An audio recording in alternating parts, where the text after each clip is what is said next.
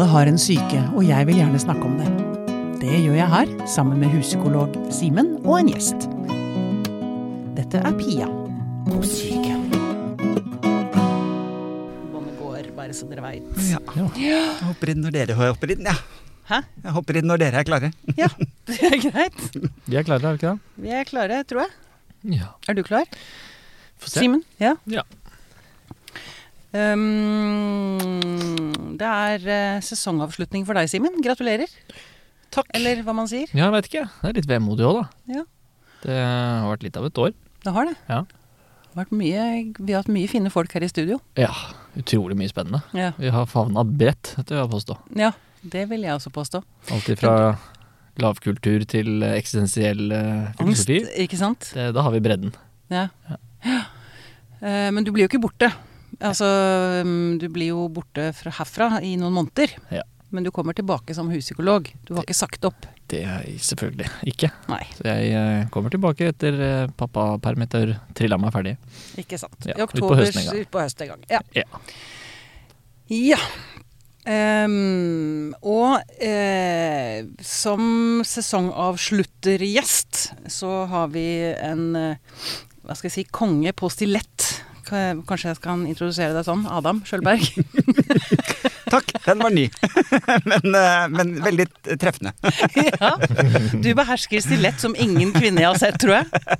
Ja, eh, ja det er jo eh, altså For meg så har jo det vært litt sånn tatt tilbake eh, noe jeg som syntes var veldig gøy da jeg var liten. Ah, liksom, jeg husker så godt det der med å eh, sni, eh, snike i mamma sitt klesskap og finne stilettene hennes. Eh, og eh, jeg tror jeg forbandt den der lyden når liksom en kvinne tok på seg stiletter, og du hørte den lyden, og det gjorde noe med holdningen til mamma. Så for meg så forbandt jeg liksom stilettheller med liksom kvinnelig styrke, og, ja. og så når jeg på en måte tok på meg mammas stiletter, så tok jeg på meg det. Alt det der. der. Styrken. Ja, styrken. Så, men så vokste man jo litt mer opp og eh, fikk beskjed om at sånn skal ikke gutter gjøre. Så da slutta man med det. Så i voksen alder så har jeg tatt tilbake stiletten. Veldig kult. Du, apropos, jeg bare får en sånn eh, tanke, kanskje dere kan hjelpe meg. Jeg bare husker altså stilett i øyet. Eple. En dame som Oi. kjører stiletten sin Ja. ned i Hvilken film er det? Faen var det det, da? Ja, ikke sant? Du husker det, du òg? grusomt. Ja, Det det er vondt helt fryktelig. Men apropos styrke. Styrke i Ja. stiletten. Det er ikke det jeg har planer om, altså. Nei. Med stilettene. Nei, nei, det er bra. Det er bra. Eh, Simen skal få tenke litt på den. Å, det var fælt. Det Kanskje vi kom- veldig i hodet. Kanskje vi kommer på det. Kanskje vi må google det Mm. før episoden er ferdig. Vi får se. Vi får se. Vi får se. Mm. Men du Adam, eh, det er jo pride Ja, måned. det er juni. Det er er pride-måned. Ja. Gratul gratulerer, sier man det? ja, eller happy pride, eller hurra, Happy pride, eller hurra. Ja. Ja. Mm. Ja. Um, eh, og jeg har lyst til å snakke litt om Bare for å dra opp noen linjer for denne episoden, da. ja. Jeg har lyst til å snakke litt om maskulinitet slash femininitet. Mhm. Mhm. Og så har jeg lyst til å snakke om bokstaver og hierarki. ja. Fordi vi sinnssyke, der hvor jeg hører hjemme, i den mm, gruppa, ja. vi har jo da veldig mye bokstaver å forholde seg til. Det er jo det. ADHD, ADD bi- Bipolar er riktignok et ord, da, men eh, ja. Men så er det en del bokstaver også i din gjeng. Ja da, Eh, absolutt. LGBHT mm. Og det er ikke bare Ja, altså, jo, sånn akronyme som på en måte vokser for hvert år. ja. Eh, Hva er det egentlig? Hva er det politisk korrekt å si nå? Altså, man sier jo gjerne LHBT pluss. Fordi det er så langt blitt. Altså LHBTQIP2SAA. Men eh, What? Mener du det? Var det seriøst? Ja. det hørtes ut som sånn wifi-passord. Hva står det for? Kan du ta Oi, altså det står jo for eh, Nå må jeg huske det mens jeg sier det, da. Eh, L står jo for lesbisk, H for homo. Og B står jo for eh, biseksuell, eh, bifil. Eh, T står for trans. BTQ står for queer. I står for interseksuell. P står for panseksuell. IP2S står for two-spirited. Eh, Two-spirited? 2SA står for aseksuell, og siste A-en står for alliert.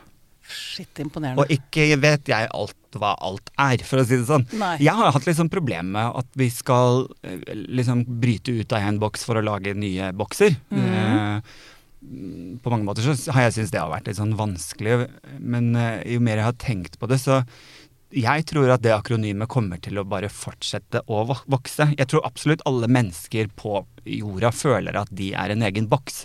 At jeg, jeg er min egen identitet. Mm. Så egentlig så kunne vi hatt like mange bokstaver som det er mennesker, på mange Ja, måter. jeg tenker, Er du en del av alfabetet, så er du innafor. Ikke sant? Og da er det jo noe med at jo, hvis alle får sin egen boks, da har vi jo basically også sprengt systemet. Så, så ja, kjør på. Få flere bokser. Så, så det gjør ikke meg noe i det hele tatt. Vi klarer ikke å fjerne det, så da kan vi like gjerne Nei. bare lage nok til at alle så handler det jo også om, eh, om tilhørighet, fordi at det er jo veldig mange som faller innenfor eh, skeiv, som ikke har kjent på tilhørighet, kanskje i familie eller venner eller hva det er. Så det å, å kunne på en måte sette en merkelapp på seg selv, det handler, blir jo nesten litt sånn mentaliseringaktig. At du liksom eh, Hvem er jeg i forhold til deg? Altså, eh, hva, hva kan jeg bruke deg til? Ja, Hvis jeg kan gå inn i et rom og rekke opp hånden og si jeg er homo, hvem andre er det? Så vet jeg hva jeg har å forholde meg til. Ja, nå bruker du, du bruker psykologi, psykologspråk, du. Mentalisering. Nå må jeg kaste ballen over til Simen. ja, jeg, jeg bruker det helt feil, og egen eh, Nei, det syns jeg Jeg ikke. Man det. bruker det i eh, Nei, men det er, så noe med, å holde- er det ikke noe med å holde noens uh, hode i egne hender, holdt jeg på å si? Altså forvalte, kanskje, er det bedre Ja, og forvalte og forst evnen til Seg å selv, men noen andre. Ja, forstå både ja, seg selv og noen andre, og hvordan dere Ja, påvirker sant? eh, hverandre. Ja. Ja. Så det var ikke helt feil. Nei, det syns jeg ikke. Og dette kunne blitt pinlig. Nei. Det er, eh, Her blir det aldri innenfor. pinlig. Ja. Mm. Nei, altså, jeg, jeg er på en måte pro bokser da, fordi det har både med tilhørighet å gjøre, og så tror jeg også at på sikt så, så sprenger man bare systemet. Men vi har jo også, altså, innad i, spesielt i homoland, så har du jo du har jo på en måte akronymet i seg selv, men innenfor homo så er det jo Der har vi jo Dere kjenner sikkert til begrepet med eh, bamse-homse, f.eks. Det har man hørt. Det er et, noe alle har hørt. Bamse-homo Ja. eller bamse. Bam, Men- det er sånn stor, trygg eh, homo. Ja, litt hårete tjukkas Ja. rett og slett. Mm. Eh, men du har jo også du har ulv og panda, oter, eh, varulv. Så, så homsene er veldig flinke til å dele inn. Man er veldig flink til å kategorisere seg selv om og om og om, og om igjen. Jeg hørte en veldig god venn av meg som også er homse. Han eh, snakket om Vi var på restaurant en gang og hadde en servitør. Og min venn eh, kommenterte lakonisk idet servitøren gikk Too gay to function.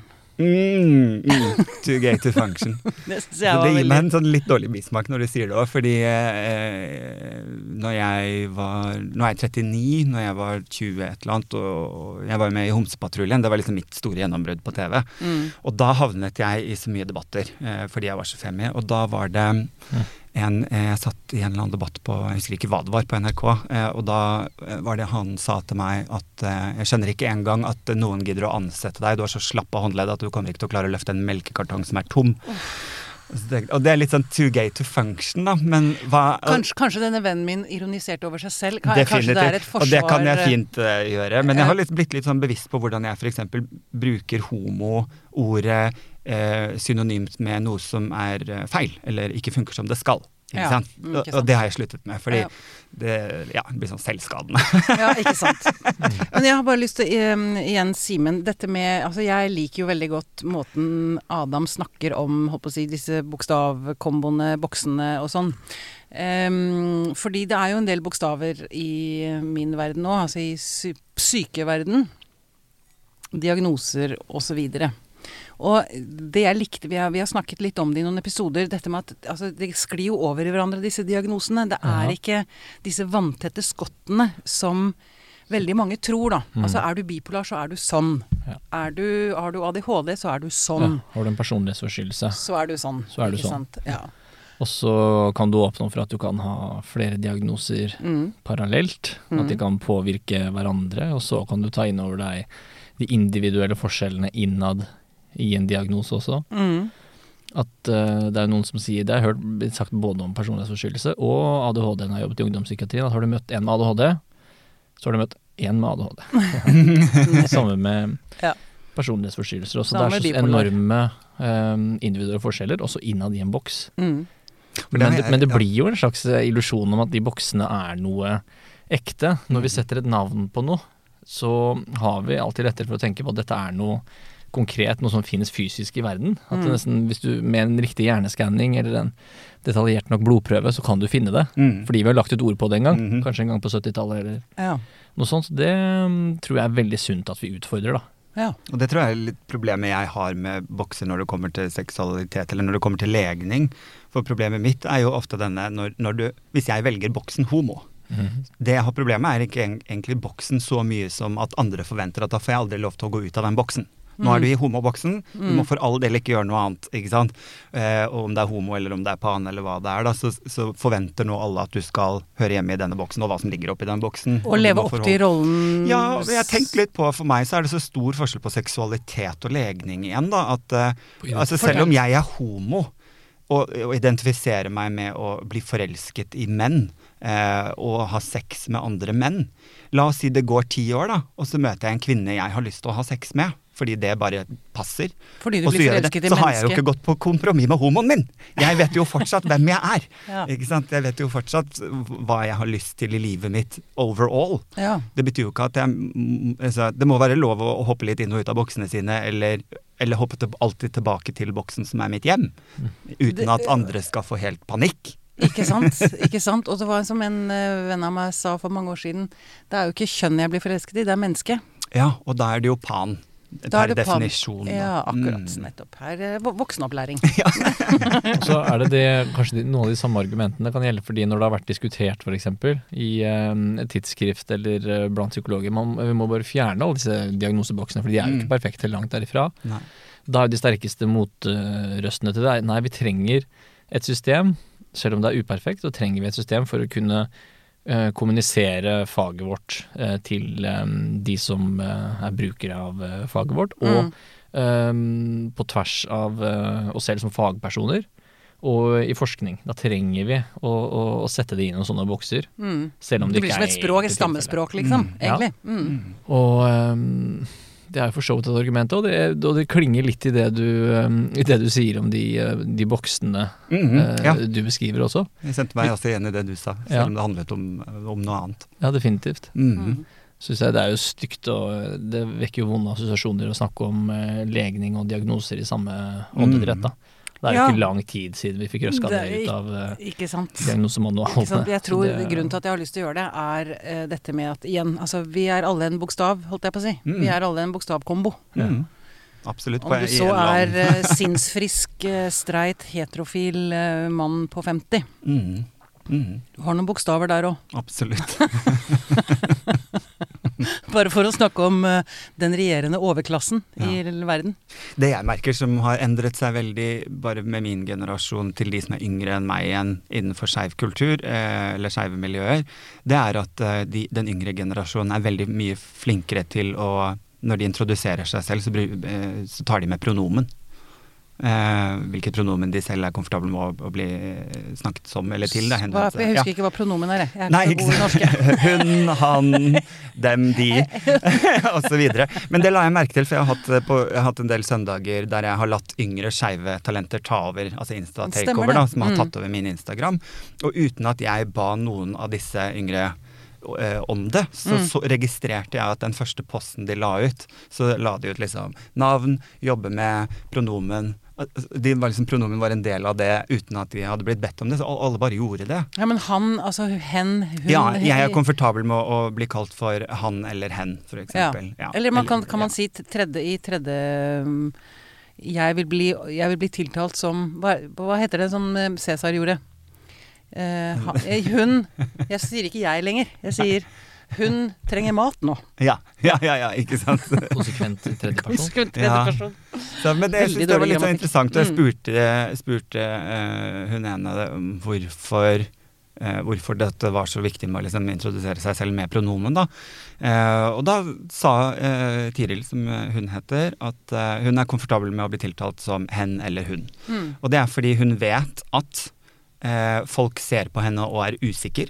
Så da tar jeg og sier det først. Mm. Jeg er hun, men jeg er også komfortabel med hen, fordi jeg føler meg litt midt imellom eh, Ja. iblant. Jeg har dager jeg gjør det. Mm. Eh, og også så gjør jeg det i tilfelle noen andre er i samme rom, som eh, sitter og føler på det samme, men ikke tør å si noe. Så da har jeg åpnet rommet for, ja, sant. for noe. Herlig ansvarlig, da. Ja. Du tar det Dette var liksom Tar 20-åringer. Tar ty- ty- hornene. Kjempe, ja, Ja. kjempebra. for meg sjøl og for andre som kanskje lurer. Ikke sant. Ja. Det er som jeg går inn i et rom og sier 'jeg har vært tvangsinnlagt', og jeg er bipolar. Ja, Ja. Så er det, så er det så vet vi det. Ja. Igjen, nå sidestiller jeg Jeg skjønner at du reagerer på det, Simen. Jeg sidestiller sinnssykdom med legning. Ja. Men jeg liker å leke litt med det, da. Det er ikke Jeg tror uh, selv, uh, selv gjennom mikrofonen så tror jeg det kommer gjennom at det er med, med kjærlighet Det er med kjærlighet og Ja. åp åpenhet i blikket. Velger jeg å tro, i hvert fall. Ja, men det, det er, du Vi velger å tro det beste velger, ja, det setter jeg pris på. setter jeg pris på. Jeg har også lyst til å snakke litt om hierarkier. Hierarkier. Yeah. Eh, både innad i eh, din gruppe og innad i min gruppe. Eh, og kanskje grupperingene opp mot hverandre. Hva er best og hva er verst? Bipolar eller homo? Når blir man mest uh, sett ned på? Når blir man mest latterlig? Altså, skjønner du hva jeg mener, på Mhm. Wilhelm? Mhm. Hvem, hvem møter mest stigma, tror vi, Hmm. av sinnssyke og legnings... Uh... Det er jo overraskende mye likheter, da. I, i Det den er stigmaen man møter, og, eller, ja, som er om det, og, og de fordommene man møter. sant? Helt klart. Og, og ikke minst historien bak, eh, Mm. bak eh, legning som har vært definert som sykdom. Da. Mm. Så, så det er klart det er jo veldig mange likheter. Eh, nesten litt skummelt. Hvis vi skal gå inn og si hva er verst? Hmm. Eller best. Hva, Best når er man tryggest i verden? Altså, det er jo en stor forskjell, for jeg Mm. blir ikke angrepet på gata Nei, for min uh, mitt hue. og jeg tror kanskje at når man får en diagnose, selv om man kanskje møter stigma, så møter man også fra mange kanskje litt sympati. Ja, du, du, jeg blir ikke hetsa. Jeg blir ikke hetsa. Eh, fordi Jeg kan du, bli- jeg kan og bli- hun er syk, ikke sant? Ja, ikke sant? han Jeg, er jeg kan bli nedvurdert, ja. men ikke Mhm. hetsa. Ja. Og der på en måte er jo legning også kanskje mer utsatt for vold. Ja, det var det jeg mente med å bli angrepet på gata. Mm. Det er liksom to ulike Så det er best to å være ulike, bipolar, da. former. Jeg vant! Alt ettersom. Alt ettersom, ja. Det er to ulike former, da. Det er dette med nedvaluering de, altså Devaluering, devaluering og, og avvisning Mm. versus rent, uh, rent hat og, og Mm. fremmedfrykt, kanskje. Mm. Mm. Mm. Og fremmedfrykt er jo en fellesnevner. Ja, det tror jeg. Det er, at eh, man, man blir redd for det man ikke forstår.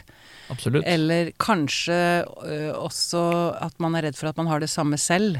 Mm. Det er ikke det mye angrep. Altså, mot homofile så er det vel, har vært mye snakk om at menn som angriper homofile, san, eller kan ha, være redd for at de er homofile selv. Ja. At de har følelser, Absolutt. at de kan ha seksuelle drømmer Mm. om menn. At, Mm. Og det skremmer dem altså så Og de skammer seg De skammer seg ikke sånn over det. Mm.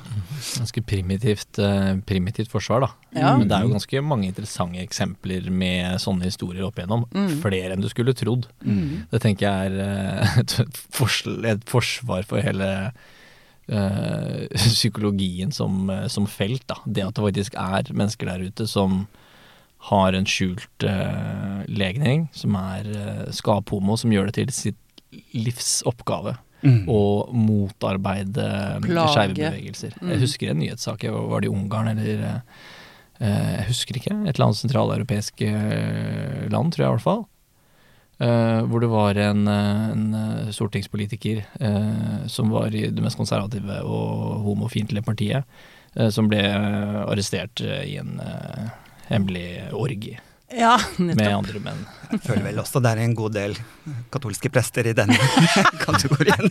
Ikke minst. Og det, Ikke ja, minst. så tenker jeg det, hvis noen lurer på om eh, psykoterapien har livets rett, da, om det egentlig bare er babbel, tenker jeg vi trenger bare to sånne eksempler for å vise at det er ganske mye som eh, foregår. Så er det jo forskjell på ikke sant? Det kan snakke om kultur igjen, da, fordi eh, en del eh, steder er det jo også sånn at eh, det er den som er aktiv, er ikke homo, men den som er passiv, den ansett som homo, da.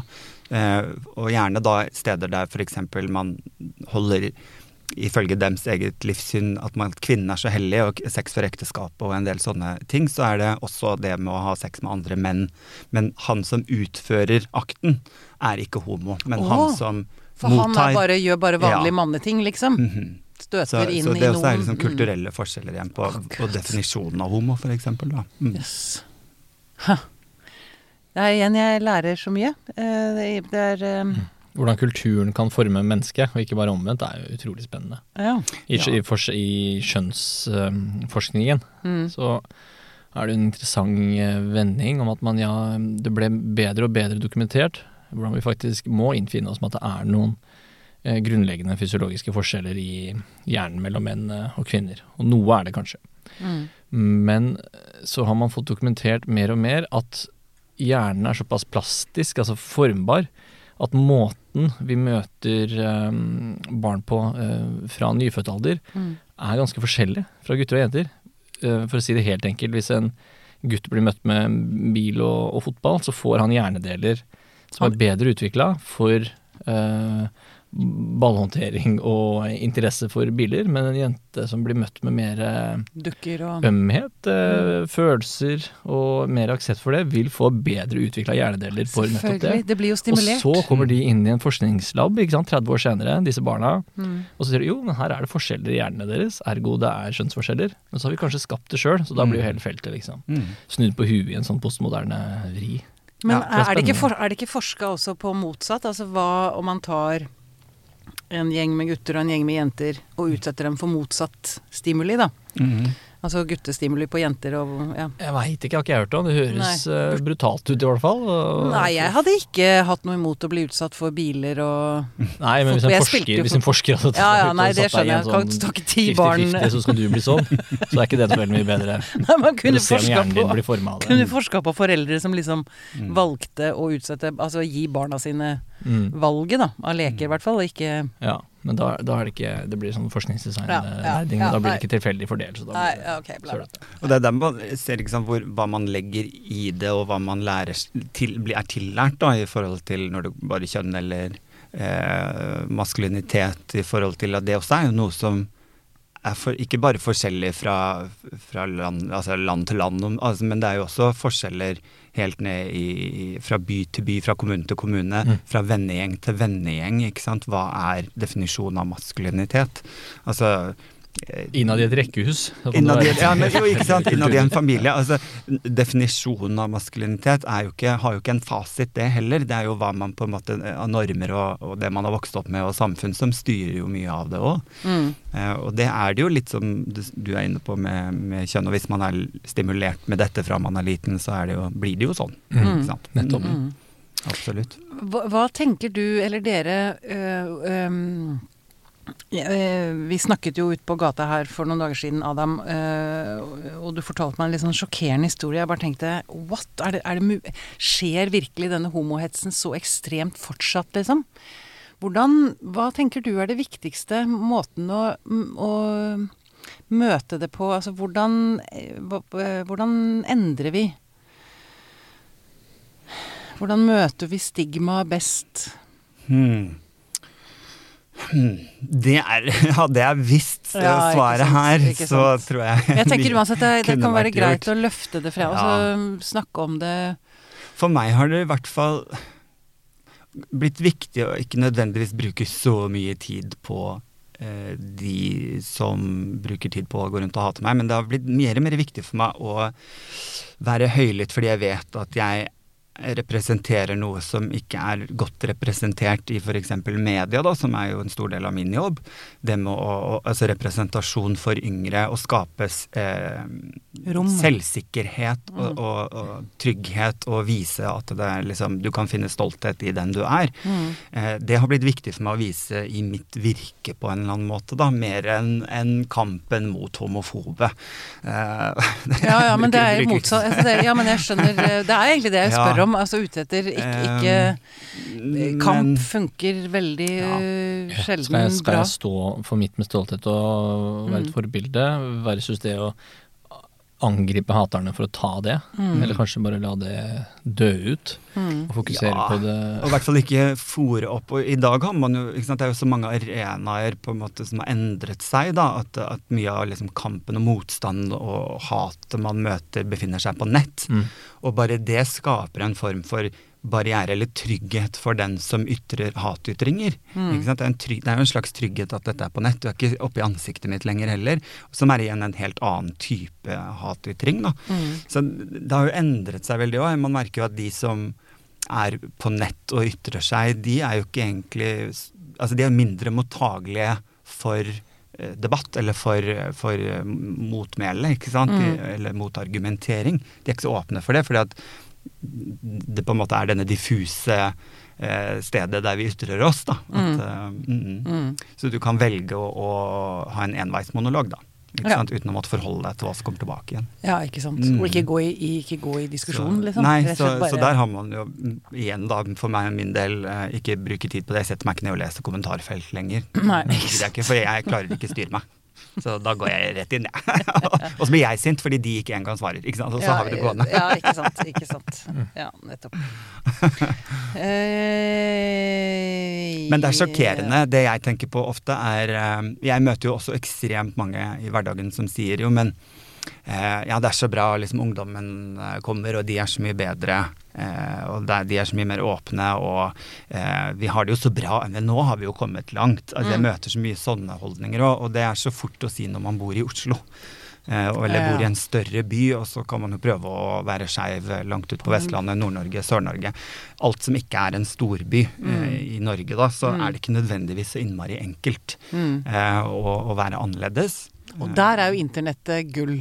Mm, Fordi man kan finne, Man kan finne folka like sine ja. Finne stammen sin. Finne stammen sin. Mm, Mm. mm, som er kjempeviktig. Men, uh, men ja, det er jo ikke nødvendigvis uh, altså at man blir ja, bedre hvor, bedre for hvem. Uh, Mm. ja. Mm. Bedre for oss, oss, oss alle. Altså, mm, ja. Eh, Jeg holdt på å bruke ordet raushet, men det føler jeg er eh, Ja, jeg er litt ferdig med det ordet. Utmatta av det ordet. Nei, men det er bare noe med å Jeg tenker jo at det er jo det jeg Altså, mitt ønske med denne podkasten her er jo å prøve å gjøre verden bitte litt bedre. Mm. Litt romsligere. Ja. Litt større plass Mm. for eh, alle rare dyr i jungelen. Ja. ja.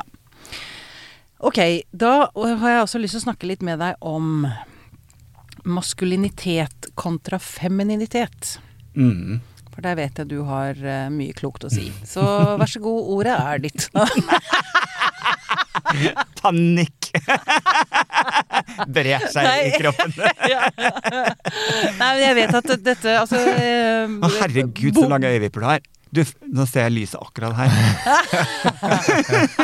en sånn halvmeter med bortpå her. Jeg kjente det blafra når han blunka. Skikkelig irriterende at en mann skal ha så fine øyevipper. Jeg har ikke lagt merke til det, må jeg innrømme. Men nå skal jeg studere det nærmere, Simen. Ja. Ja, det, det er greit, men du får ikke unnvike at du plutselig fikk på deg å skulle definere hva Nei, men nå skal, nå skal jeg ta en annen ting, så kan Adam sitte og tenke litt på øh, Jeg har nemlig tenkt å bygge opp Simen som en slags sexsymbol. Mm. Etter at han hadde sin Han driver med fridykking. Han er norgesmester i fridykking. Nettopp. Han var nede på 53 meter. Hellighet. Ja, sant. Jeg vet ikke hva Men- som skjer der. Nei, men det kan Ja, det får Men høre. Du får høre. ja. Gratulerer. Mm. Jo, eh. Men hans uh, makker, eh, Alexander Nordahl, som er fotograf i Dagens Næringsliv, og som har en konto som heter Ja, han har flere konti. Uh, under Lutvann, uh, Freediving Norway og sånn. Han uh, tar bilder, og som han selger. Og som han sier, det beste Altså, Simen er et veldig bra fotoobjekt. For hans bilder blir alltid solgt først. Bildene av Simen. Fordi han har så fin kropp. Jeg vet, Simen, Simen syns at det er så fælt. Det er derfor det blir så gøy. Og så var det veldig deilig å kjenne at panikken nå brer seg et annet sted enn hos meg. Det var det. Jeg bare kastet panikken videre. Jeg tok heten vekk fra gjesten, over til uh, Ja, det er akkurat sånn jeg vil fronte meg som Så, eh, fagperson. eh, så ja, Mm. go. Nei, men du, nå skal jeg prøve Ja, å er, er mu det. det er mulig jeg skal gi Simen den åpningen. Det er mulig jeg skal klippe dette vekk, hvis han bestemmer seg for det. Ja. Um, over til deg. Boka di. Ja, ikke sant. Jeg skrev bok om eh, Eller ja, skrev bok om maskulinitet, eller hva mitt forhold til maskulinitet, i hvert fall. Ja. Det har jeg gjort, og det har vært brukt lang tid på. Og det har jo startet Det var liksom flere grunner til at det startet, men eh, jeg har jo kjent på ekstremt mye skam fra jeg var liten, da, i forhold til min femininitet. er jo det jeg har møtt mye motstand på. At man har liksom prøvd å korrigere seg så innmari. Jeg har et ekstremt bevisst forhold til å korrigere femininiteten min. Fra, fra jeg tok mammas høye hæler før jeg begynte på barneskolen. Så Eh, tenkte du at det å være feminin var feil? Fordi jeg fikk beskjed om det. Du fikk beskjed om ja, det. ja, Du Mm. skal jo ikke ha på deg de høye hælene. Nei, du kan ikke gå i butikken begynne- i skjørt, må Vi du vite. Ja, så Mm. liksom den biten der med å få lov til å en gang ytre at ok, jeg skal ikke gå med det, men er det lov å si at jeg syns det er fint? Altså, Man stiller spørsmål ved hvor, hvor går grensene da, i forhold til hva er ok femininitet? Og selvfølgelig da til, eh, til um, å begynne på barneskolen i første klasse. Jeg husker jeg kom gående, og så var det en av de eldre guttene som ropte det sånn kjempehøyt. Så ropte han Øy, er du gutt eller er du jente? Og ikke at jeg var i tvil på om jeg var gutt eller jente, men jeg stilte jo spørsmål hvorfor lurte han på det? Hva er det med meg som gjorde at han hvordan, Hva må jeg korrigere nå for at alle skal bli mye sikrere på hva jeg er? For jeg vet hva jeg er. Mm. Så ikke sant, det begynte jo der, og, og videre opp med tenårene der. Hva er det du måtte, hva er det du måtte ta da? Barbere vekk? Veldig ytre ting i forhold til måten Så helt sånn basic i starten med hvordan man går, Mm. eh, hvordan man snakker, at det Håndleddet. Ja, eller bare liksom Og det er jo også en liksom enda mer obvious, men, men eh, et, et liksom toneleie eh, og, og så går det jo videre til at man skjønner at ok, det handler ikke bare om det, det handler om hvor engasjert jeg er i relasjon, eller hvor emosjonelt engasjert jeg er. Det er også forskjell på maskulint og feminint eller kvinnelig eller mannlig. Så begynne å liksom dekke over følelsene sine og føle mindre. Mm. Være mindre glad i eh, Jeg hadde en bestekamerat som jeg husker at jeg skjønte jeg var for glad i, bare. Det var, jeg skulle ikke være så glad i han, for de andre i klassen var ikke så kompisene var ikke det. Så begynne å, å liksom tøyle inn det, da, hvor glad jeg var i han. Det var ikke det at du var forelsket, men du var bare veldig glad i han. Ja, dette var liksom før jeg visste var liksom Ja, altså, forelskelse eller, den- eller. Ja. Mm. mhm. Mm. Så jeg bare skjønte at jeg er for glad i han. Rett og slett. Jeg er flaut glad i han. Jeg må ikke si det til de andre hvor glad jeg er i han. Mm. Så, og så til igjen, da man blir litt mer voksen, og jeg har jo gått gjennom ikke sant, my, altså Jeg har vært med i program som Homsepatruljen, som spilte veldig opp stereotypier med homo, og fikk da kritikk på igjen at jeg var for feminin fra til og med da også andre homofile menn. ikke sant, At jeg var feil der òg, og begynner å skjønne at ok, så det, det, er, det, det er I mitt eget miljø er det også sånn da, at maskulinitet er, er på toppen. Og jo mer maskulin du er, så jo mer populær er du som homo også. Så, så det har gått et helt liv på det. Og så tror jeg Å gud, nå dette, unnskyld, dette er et veldig langt svar. Ja, det er veldig ikke fint. Det er veldig fint. Bare fortsett. Men, eh, men jeg på en måte kom nok i, i voksen alder til at jeg har korrigert meg så mye at jeg har gått meg litt vill.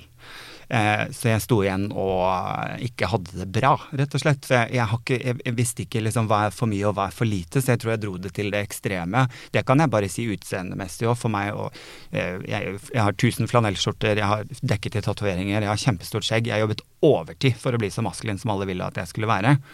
Eh, og så plutselig står man jo et sted og ser hva har skjedd med psyken min oppi det. da. At, eh, at eh, jeg er ensom, jeg har ingen nære relasjoner. Eh, jeg har ikke engang en relasjon til meg selv. Eh, man bryr seg ikke lenger i det hele tatt og har ikke noe forhold til om ja, om jeg skal leve eller dø. Det spiller heller ingen rolle, for jeg er så mandig at jeg ikke bryr meg om det engang. Og så får man det jo litt sånn trøkt i trynet, for jeg øh, fikk jo da beskjed om at jeg hadde mm, en svulst som lå ikke i hjernen, men altså i hodet, på en måte bak kinnbenet og, og den veien, så, som vokste såpass mye at den, at den måtte opereres ut, og lå så kinkig til at vi ikke kunne ta noen prøver av den. Så da ble det jo at den uansett må den jo opereres ut for å finne ut om, om dette er gårtet eller ikke, da. Og gå og vente i noen uker på det svaret og bli operert og øh, vurdere litt sånn Hvorfor havnet jeg her? Og jeg tror det kom veldig opp i trynet på meg, for jeg var, sa veldig tydelig fra til alle venner at øh, Eller jeg løy til familien min. Jeg sa ikke at jeg skulle operere meg i hodet, for jeg ville ikke ødelegge ferien, for de skulle på påskeferie, husker jeg. Så tenkte jeg sånn, det blir veldig pinlig hvis jeg ikke nå skal dø, og så dropper de å dra på ferie. Da, da, da hadde du blitt maskulin eh, nok når du hadde fortrengt eh, alt dette og holdt det for deg sjøl. Sant? Ja. Så, og dro opp alene på sykehuset, og jeg skulle hjem alene fra sykehuset og alt det der. Eh, Men eh, når jeg våknet, så satt noen av vennene mine på sykehuset. Og da liksom blir man jo møtt med, eh, med kjærlighet, da. Ikke sant? At eh, jo, men vi vil jo være her for deg. Selv om du ikke ville at vi skulle være her for deg, da. Og da var det jo en sånn tanke, hvorfor er det så viktig for meg at de ikke er her, da? Hvorfor er de så glad i meg? Og jeg kan huske å ligge der og, og, og tenke det spørsmålet. Hvorfor er de så glad i meg? Um, at, jeg husker at jeg svarte selv på spørsmålet inni hodet mitt, og jeg sa fordi jeg er ikke glad i meg. Derfor er det vanskelig for meg at de er glad i meg. Og det var jo en sånn snud, litt sånn aha-opplevelse, der jeg bare ok, hva syns jeg om det? Og så når man da skal gå og vente på prøver og svar og alt det der, så får man jo liksom tid til å tenke, da. Liksom ok, hvis dette går noe gærent, da. Er det ok? Mm. Og mener jeg virkelig det, liksom? Så, og, Mm. og da klarte jeg å begynne å plassere det opp mot eh, mas min egen maskulinitet, og begynne å se på liksom, hva, hvorfor har jeg havnet her, da. Og, og alt, jeg, alt jeg klarte å svare på, var liksom hele tiden eh, dro, dro linjer da opp til maskuliniteten min, og at jeg ikke har noe kontroll på det, fordi at jeg har ikke noe jeg har verken noe fa Ingen har gitt meg en fasit på dette. Det eneste jeg har fått, er hva jeg er feil på, da. Mm. Og der, jeg kjenner igjen altså, det å bruke livet sitt på å korrigere seg inn Mm. i noe man ikke helt vet hva er. Ja, jeg har, ikke, jeg har jo ikke noe å korrigere etter, sånn at jeg, jeg vet ikke. Nei, men, nei, ikke sant. Men jeg, jeg ja. Mm. Mm, Nå har jeg lyst til å gi ordet famling, til Simen, ja. da. Mm. veldig. Utrolig mye famling, og i fravær av trygghet, mangel på å utvikle et sunt, et sunt selv. Hvem Mm. er jeg, hvor starter jeg, og Mm. hvor eh, slutter jeg? Det trenger vi kontinuerlig trygging og bekreftelse Mm. for å, for å kunne få. Mm. Og får vi ikke det, eller vi har en antydning om at det, det som egentlig er meg, er ikke akseptabelt i det hele tatt, Mm. så har vi jo eh, på godt og vondt en eh, Nei, egentlig bare på vondt. Mm. En forferdelig imponerende evne til å, eh, til å finne opp et falskt selv. Ja, det er rett og slett det at man har, Jeg har skapt en person her. Ja, Eh, Jeg er mm. så maskulin som det skal gå an å Mm. bli. Mm. Og så stemmer ikke det overens, og det er grobunn for all mulig lidelse, da. Og avstand i alle relasjoner og til seg sjøl. Mm. Mm. Hvem, Helt klart. eh, hvem er man da? Det blir ikke sammenheng, sant. Jeg det er det du det er det jeg hører du beskriver. Ja. Og så kommer det heldigvis, da. Jeg var ikke heldig at du fikk en svulst Nei i da, men det er liksom. noen ganger blir livet noen- bare kjører teskje inn i munnen på deg. Bare Ja. sånn Halla, nå må, du, nå må du tenke etter, da. Mm. ja. hvordan, vil du, hvordan vil du gjøre dette her? Ja, Ja. virkelig. Så, så da begynte jeg nok å liksom samle informasjon. Jeg begynte å lese litt liksom, hva fins av forskning på maskulinitet. Jeg liksom begynte å bare bli interessert for det, om, eller i tematikken. Og bestemte meg jo egentlig da for For jeg er jo standup-komiker av virke, så det jeg bestemte meg for, var å dra At mitt neste soloshow skulle handle om på en måte definisjonen av min egen maskulinitet, og, og finne trygghet i min mannsidentitet, da. Eh, Så etter hvert som jeg jobbet med humor og på en måte leste bøker og ja, forskning og alt mulig rart, så noterte jeg jo også ting som ikke får plass i et humorshow. Eh, som jeg også så veldig tydelig at her kan jeg skrive en bok. Da. Så jeg skrev både liksom humorshowet mitt og boken litt samtidig. Uten å vite om det, om det blir en bok, men jeg hadde nå i hvert fall det i tankene, da. Mm. og mens jeg jobbet i prosessen, og mens også jeg gikk litt i behandling, rett og slett, da, for Mm. å, å ja, finne tilbake litt uh, ting som må korrigeres, som ikke nødvendigvis har med maskulinitet å gjøre, men som har med ja, egenverdi å gjøre, for å si det sånn. Så Ja, men- lære det, da. Ja. Og så har jeg, jeg, tror, jeg er et sånn sammensurium av egentlig mye som kan gå veldig galt. Jeg har også lært meg til at min verdi handler om hvor mange billetter jeg har solgt, hvor populær jeg er, hvor høy applaus jeg får, hvorvidt de ler eller ikke. Og også mine store opplevelser av lykke er så store. De er så innmari store. Det er 10 000-12 000 mennesker som reiser seg og klapper, så jeg liksom også sleit med å finne lykke i, små ting. ja. Liksom, syns det er vanskelig å kose meg med noe. Og dette, det hele tatt, da. dette, dette Så- kan du relatere Dette tror jeg veldig altså, Det har jo vært altså, ungdom, så, eller er voksne òg, for den saks skyld, men som måler sin verdi i antall likes. På, ja. det blir jo det Mm. samme, ikke sant? Mm. bare i en større skala Absolutt. for deg, da. Mm. For du er jo også i media, og det er noe med å få slakt, for eksempel. Jeg vet ikke om du har Mm. opplevd det, det har ikke jeg sett, men Aldri. Jo, jo. Jo, men ikke sant, man, du, er, du er jo ekstremt mye mer synlig, da. Ja. enn en hvermannsen. Jo, jo, jo. Ikke sant? Men, men allikevel så mener jeg at det du snakker om kan overføres til alle, egentlig. Altså, dette med hvor er det egentlig min verdi er. Ja. Absolutt. Hvor finner jeg hvor, hvor, Og der krasjer man jo fort da, når du liksom begynner å blande kortene da, med at popularitet er lik egenverdi-skala. så, så må du jo For popularitet, kjendiseri og alt det der, det er jo ikke noe som kontinuerlig vokser oppover. Nei, jo langt ifra ikke. Det er jo popularitet og aktualitet, alle disse tingene som gjør at populariteten din svinger. Du må være med du må ned for å gå opp, Mm, ikke sant? Og så må du opp for å gå litt ned for Ja. å gå opp igjen. Og, og, og hvis du da har blandet kortene, så vil du jo også tro at egenverdien min synker når jeg går ned. Mm. Og da begynner du, da blir, blir, jo, da blir livet blir vanskelig. farlig. Husker jeg leste boka til de to DN-journalistene, eh, Bjørn Ekblad og Gøran Skålmo. Eh, historien om TV 2. Se hva som skjedde. Mhm. Og da var det et eh, kapittel om, eh, med Hedvig Montgomery Mhm. som snakket om kjendiseri, og at det å være eh, kjent er et sterkere dop enn heroin. Mm. Tror jeg sånn er det mulig jeg spissformulerer det lite grann, Jo, ja. men, men det er noe med det. Altså Man blir helt hekta på he- oppmerksomhet, og ja, og det er viktig. Jeg tok jo i hvert fall i mitt liv og flyttet det fra TV og over til at jeg trengte å finne selvtillit i noe som ikke eh, handlet om hvorvidt jeg var populær i media eller ikke. Men, Mm. men jeg ville jo drive med underholdning, så for meg ble standup-scenen mm, liksom veien å gå. fordi at jeg har alltid jeg, jeg har eh, selvtillit på den scenen. mm. Og jeg trenger ikke være på TV for å gjøre det bra. Nei. Ikke sant? Jeg vil alltid finne, finne meg selv her. Men samtidig så står jeg jo også og, og får bekreftelse i form av applaus, eller hvorvidt de ler, eller Ja. Og så kan man jo begynne å blande kortene på et helt annet sted igjen. Så, så jeg har virkelig satt meg selv i, i dette hjørnet. Ja, ja, ja men det, man må få lov til å male seg inn i et og annet hjørne Ja. opp gjennom livet. Ja, ja, så lenge du velger fine farger i malingen. Så, altså, er det også interessant sånn, eh, et retningsspørsmål i det, da. For det er kanskje ikke helt tilfeldig at du uh, havna i et, eh, i et liv som var sårbart for nettopp dette. For det var noe i deg som ville oppsøke uh, scenen og rampelyset Bekreftelse, og oppmerksomhet? Og det er jo Man kunne jo sett enkelt på det og sagt ja, men det er jo et paradoks, fordi når du vokser opp og blir så usikker på hvem du eh, er, og må korrigere alt ifra preferanser til sensitivitet til fakter, Mhm. så skal man jo gjemme seg. Mm.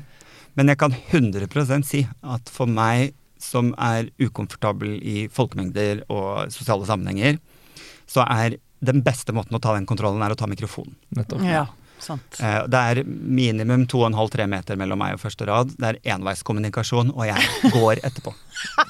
Så ikke snakk til meg. Så jeg har bare fòret foret opp under og videreutviklet. Og det er jo en kul, det er jo en kul mestring, da, som er eh, på mange måter mer hensiktsmessig enn å skulle bli selvutslettende og forsvinne. Men så er det jo også grobunn for eh, et sårbart, en sårbar rigg, da. Ja. Definitivt. Fordi, Men ja. sårbarhet i seg selv er jo ikke noe feil.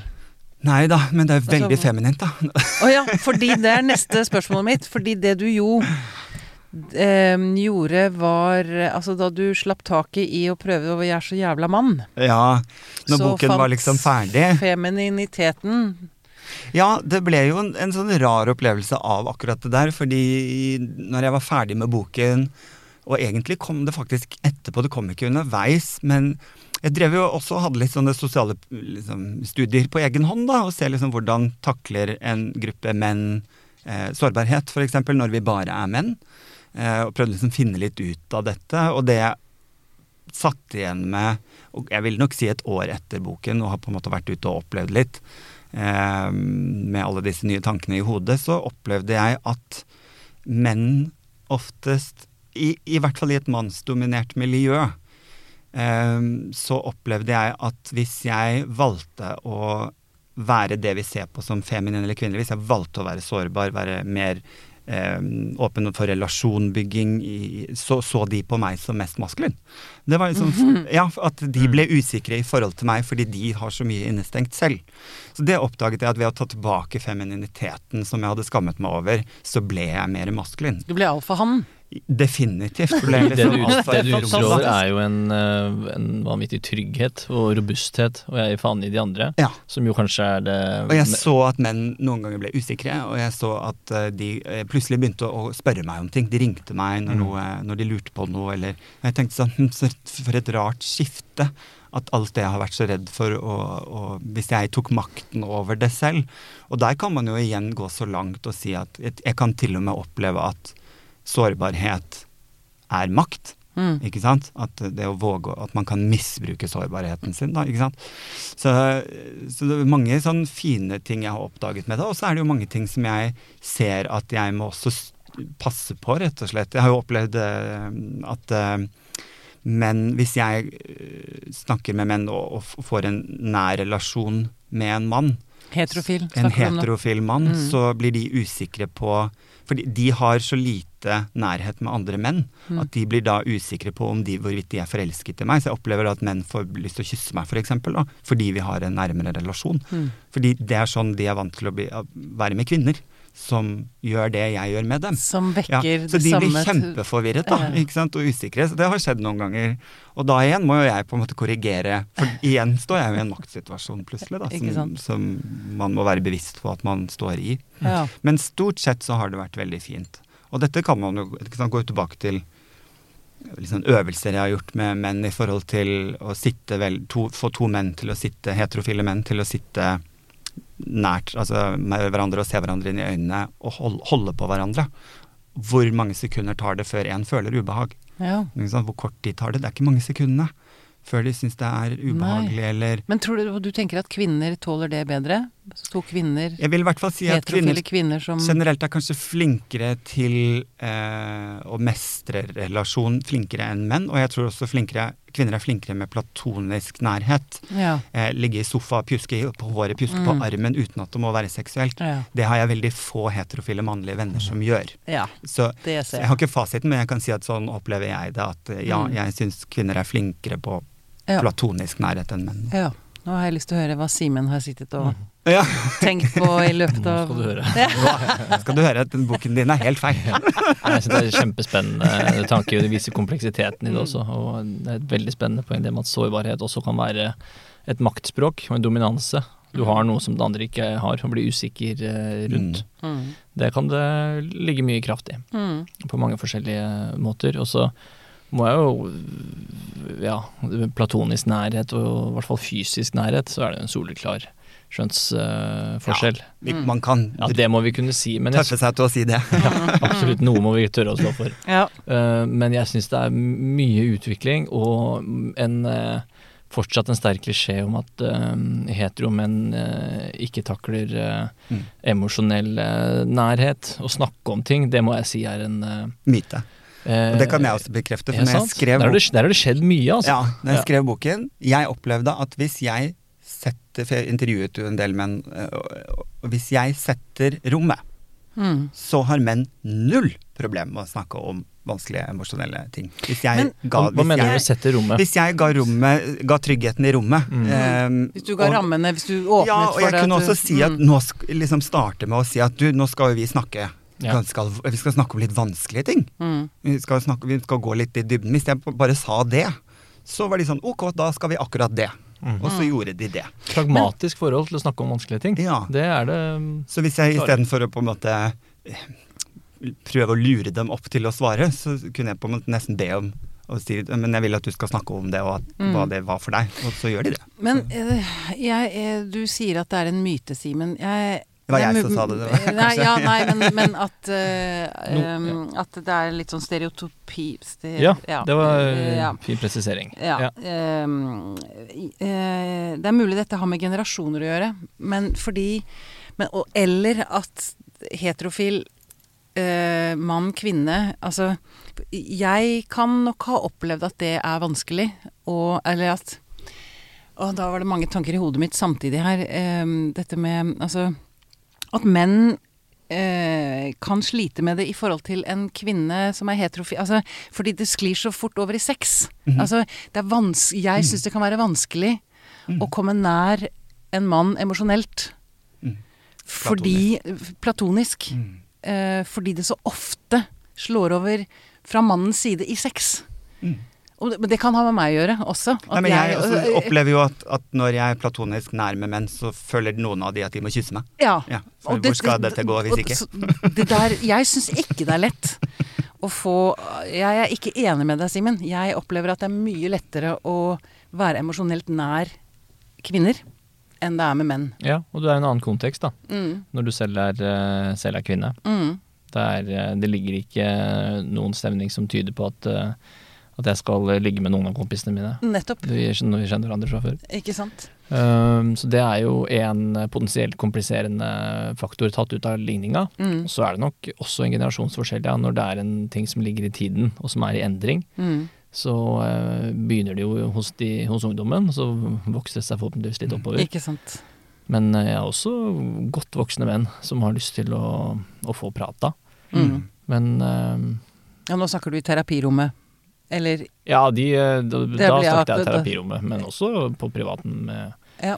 ja, med også mine venner og, og, og bekjente. Jeg syns eh, Jeg forventa større motstand, eh, kanskje ja, mindre åpenhet av Mm. menn i terapirommet når jeg gikk inn i studiet, tror jeg. ja. Men der jeg- eh, har jeg Igjen har du jo rammen der, da. Det er rammen, Det er rammen, selvfølgelig. ja. Kommer for å Ja. prate, men du ser også på andelen, da. Og så er det mulig at jeg også legger opp Jeg er så utrolig redd for den derre klassiske amerikanske og fortell meg hva du føler. Altså at kvinner skal alltid vite hva mannen føler. Ja.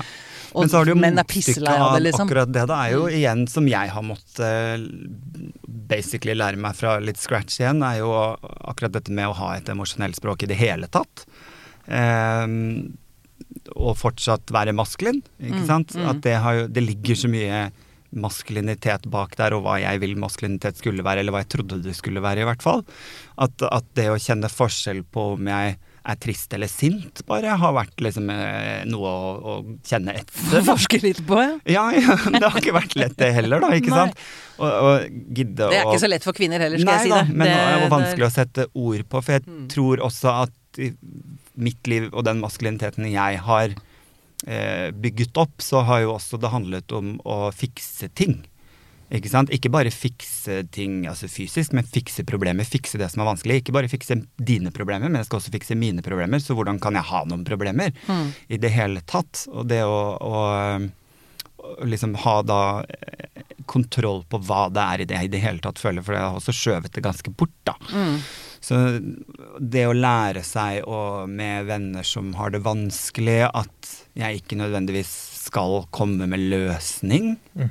men heller bare være der. være- være eller der ja, bekrefte at dette er skikkelig jævla drit, liksom. Ja, ja, ja. Og da er det jo kraft i språket da, på hvordan man skal formulere de problemene. Man Ja. kan jo snakke om det, ja, du trenger å øve deg på varme og være i kontakt og disse myke verdiene med et sånt Mm. tonefall og, stearinlys. Eller så kan du si ja, dette er du dårlig på. Her har du lite Du suger! Du suger her er det lite navn og nummer på hva som foregår Ja. på innsida, Ja. og følelsene er her nede. Det må du lære deg å identifisere, og hvordan du kan bruke det for å bli mer eh, en bedre utgave av deg selv, og bedre dine relasjoner, kanskje en bedre far og en bedre ektemann.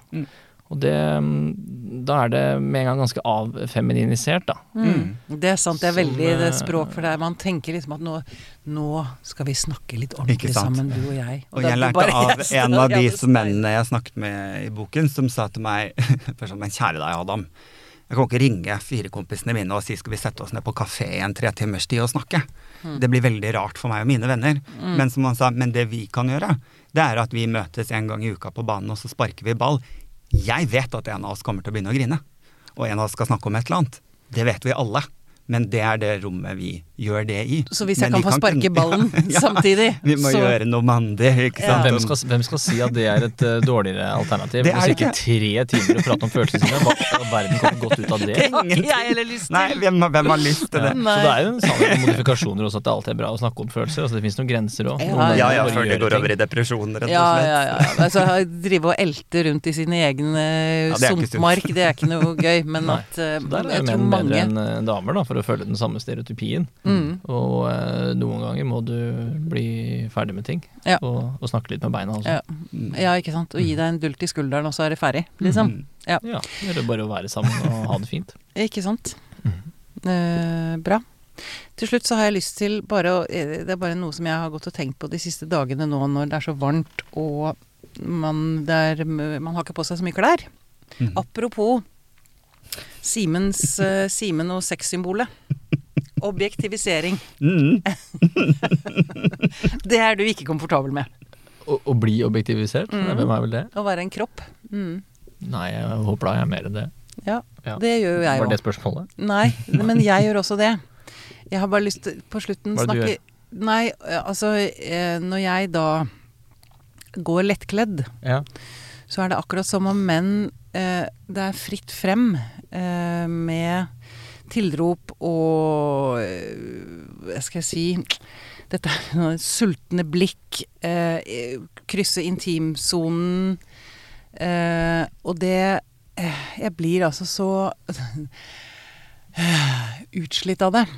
Jeg var på Gressholmen eh, nå i helgen, og så kommer det en fyr eh, og legger seg rett ved, ikke rett ved siden av, men jeg, jeg bare merket Altså, det ble ubehagelig. Jeg måtte snu meg og til slutt gå fordi jeg ikke klarte å hvile. Ikke sant? Det, han ødela dagen min. Og det er, det er noe jeg tror dere menn ikke opplever så mye. Jeg har lyst til å spørre Adam om øh, den homofile verden. Altså øh, Jeg har bare lyst til å sn ja, snakke litt om dette på slutten. Ja.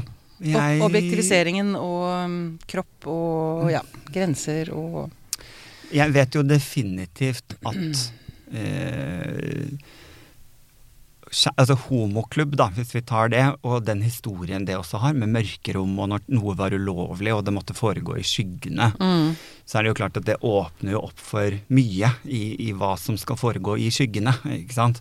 Og grensesetting når du ikke engang ser hvem det er.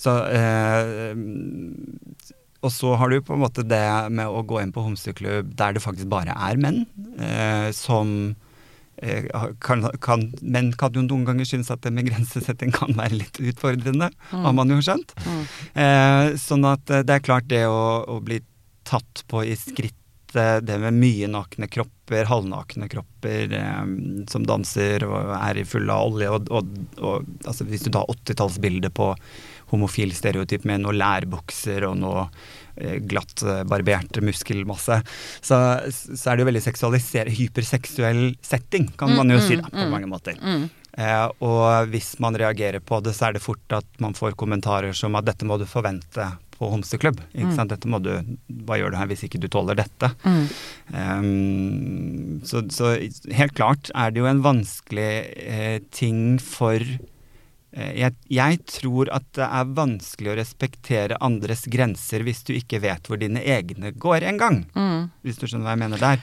Som jeg tror mange menn Når man snakker om metoo, så er det også veldig mye snakk om kvinners grenser. mm. Eh, og så tror jeg ikke menn engang vet selv at de har noen grenser, så derfor syns de det er vanskelig å finne kvinnenes. Ah, ja, nettopp. For her har jeg, ikke sant, jeg får lyst til å læsje ut mot heterofile voksne menn. Ja. Eh, det, hva tror du, tror du det er greit at du legger hånden din på låret mitt, liksom? Mm. Altså, d- jeg har opplevd det så mange ganger opp gjennom livet Mm. at voksne menn Mm. hvor, hvor jeg åpenbart ikke har invitert til noe som helst, syns det er helt greit Mm. å legge hånden sin på låret mitt. Og jeg blir så forbanna og frustrert og lei meg og mye som skjer der. Ja. Og det er derfor jeg Det tror jeg er derfor jeg hadde lyst til å objektifisere deg, Simen. For å ta igjen. Du må, du må nå bære børa.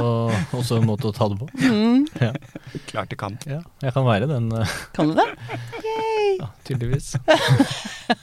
Nei, men skjønner du det? Skjønner du At du blir forbanna? Ja, ja, Altså, nei, men altså Forskjellen er på Der er det en stor forskjell på kvinner og menn. ja, 100%. For menn er ikke objekter på samme måten, og det Nei, øh, det er lettere å oppleve det liksom køddent øh, fra deg. Eller så, ja, så jeg har jo for så vidt opplevd det et par ganger opp gjennom livet også, når jeg var liksom litt for ung til å skulle få opplevd det. Da var det andre menn, da. Som jeg, jeg bare husker et par ubehagelige opplevelser hvis jeg var i London f.eks. gjennom eh, Soho-nabolaget. så fikk jeg en klass på rumpa og noen plystringer og sånt. Men det Ja. Av menn? Kan, ja da. mm. Men det um, Men av kvinner? Du blitt eh, objektivisert av kvinner? Kroppifisert? Per definisjon så ja, Mm. men det har jo ikke Jeg må si at det ikke har blitt opplevd truende på samme måte pga. Nei.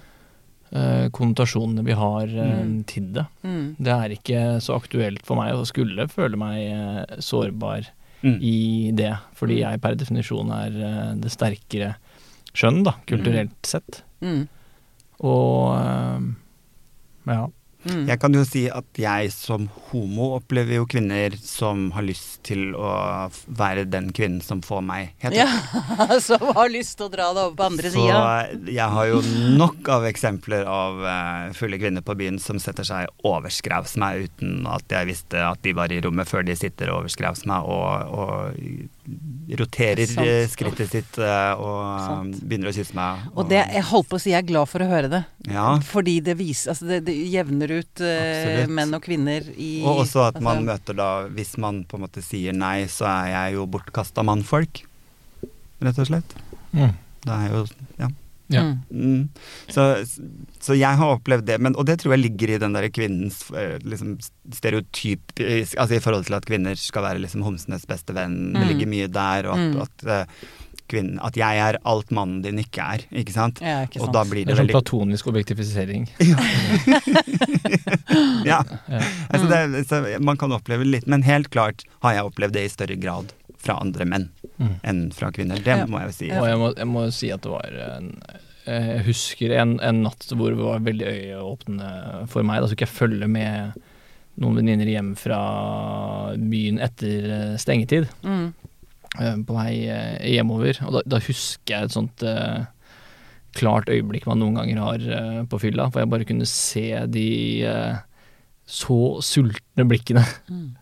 Klokka, eh, klokka fire om natta etter Mm. de eh, Mm. etter de damene. Og Mm. det er uh, noe jeg ikke kan forestille meg å være mottaker Mm. eh, av hvordan det er. Fordi det er en helt annen uh, masse og mengde Utrygghet. og en fysisk, et fysisk maktforhold som er farlig. Mm. Det er truende på en helt annen måte. Så det Ja, skal og- jeg ikke påberope meg noen eh, opplevelsesbasert forståelse av. Fordi det er, en, eh, det er en helt annen kvanta, da.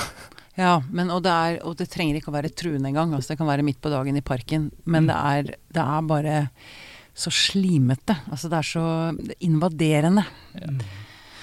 Og det er øh, bare slitsomt. Sånn sett er vinteren bedre. Pakka inn i dunkåpa. Mm. Nei da. Um, Kunne sagt det til, det er hm? Du kunne jo sagt det til da. Ja, men det, altså, du kan ikke si til noen som kler av deg med blikket, liksom. Ikke? Nei, jeg syns ikke det. Og da blir du en bitch med en gang, ikke sant. Da er du en snurrsende, snerpete frøken som ikke tåler eh, tåler litt- Innbilsk. Ja, Innbilsk, Ikke minst. Innbilsk. Å, fy faen. Skamme seg. Innbilsk, jeg tror du ja, Uff a meg. Nei, ok.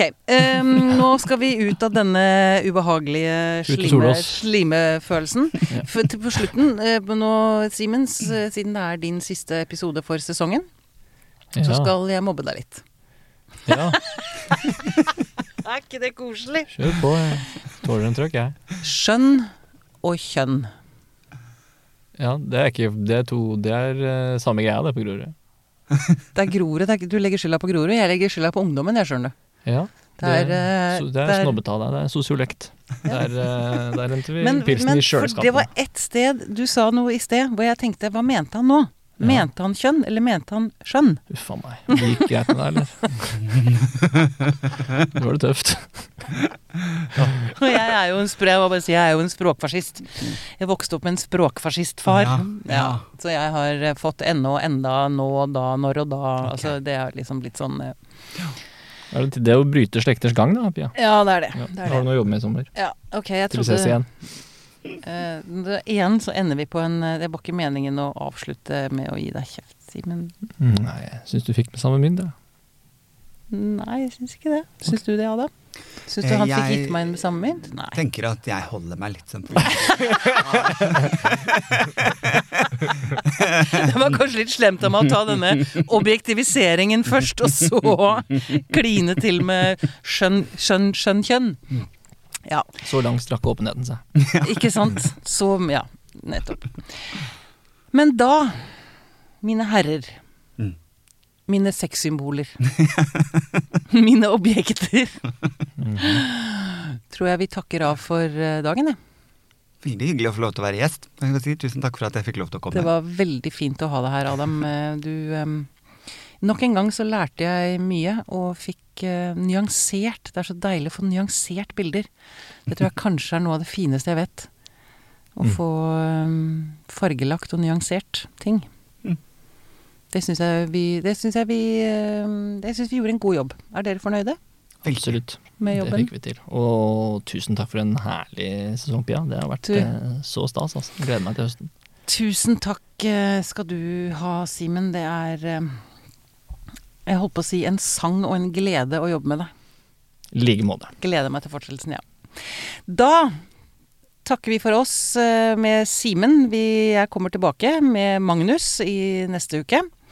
Og så må jeg bare ønske dere to riktig god helg, og nyt sola, og passe på hverandre, ikke tråkke over hverandres grenser. Eller Eh, egne grenser. Eller egne grenser. Andre råd på slutten fra Adam og Simen til eh, Heis regnbueflagget. Heis regnbueflagget. Ja, det er bra. bra. meg bak det. Det får et fint siste ord. Ha det. Ha det.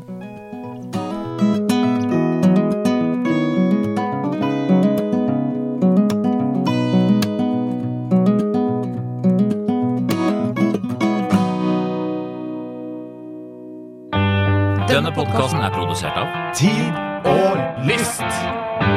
Med støtte fra stiftelsen Kåre Berg.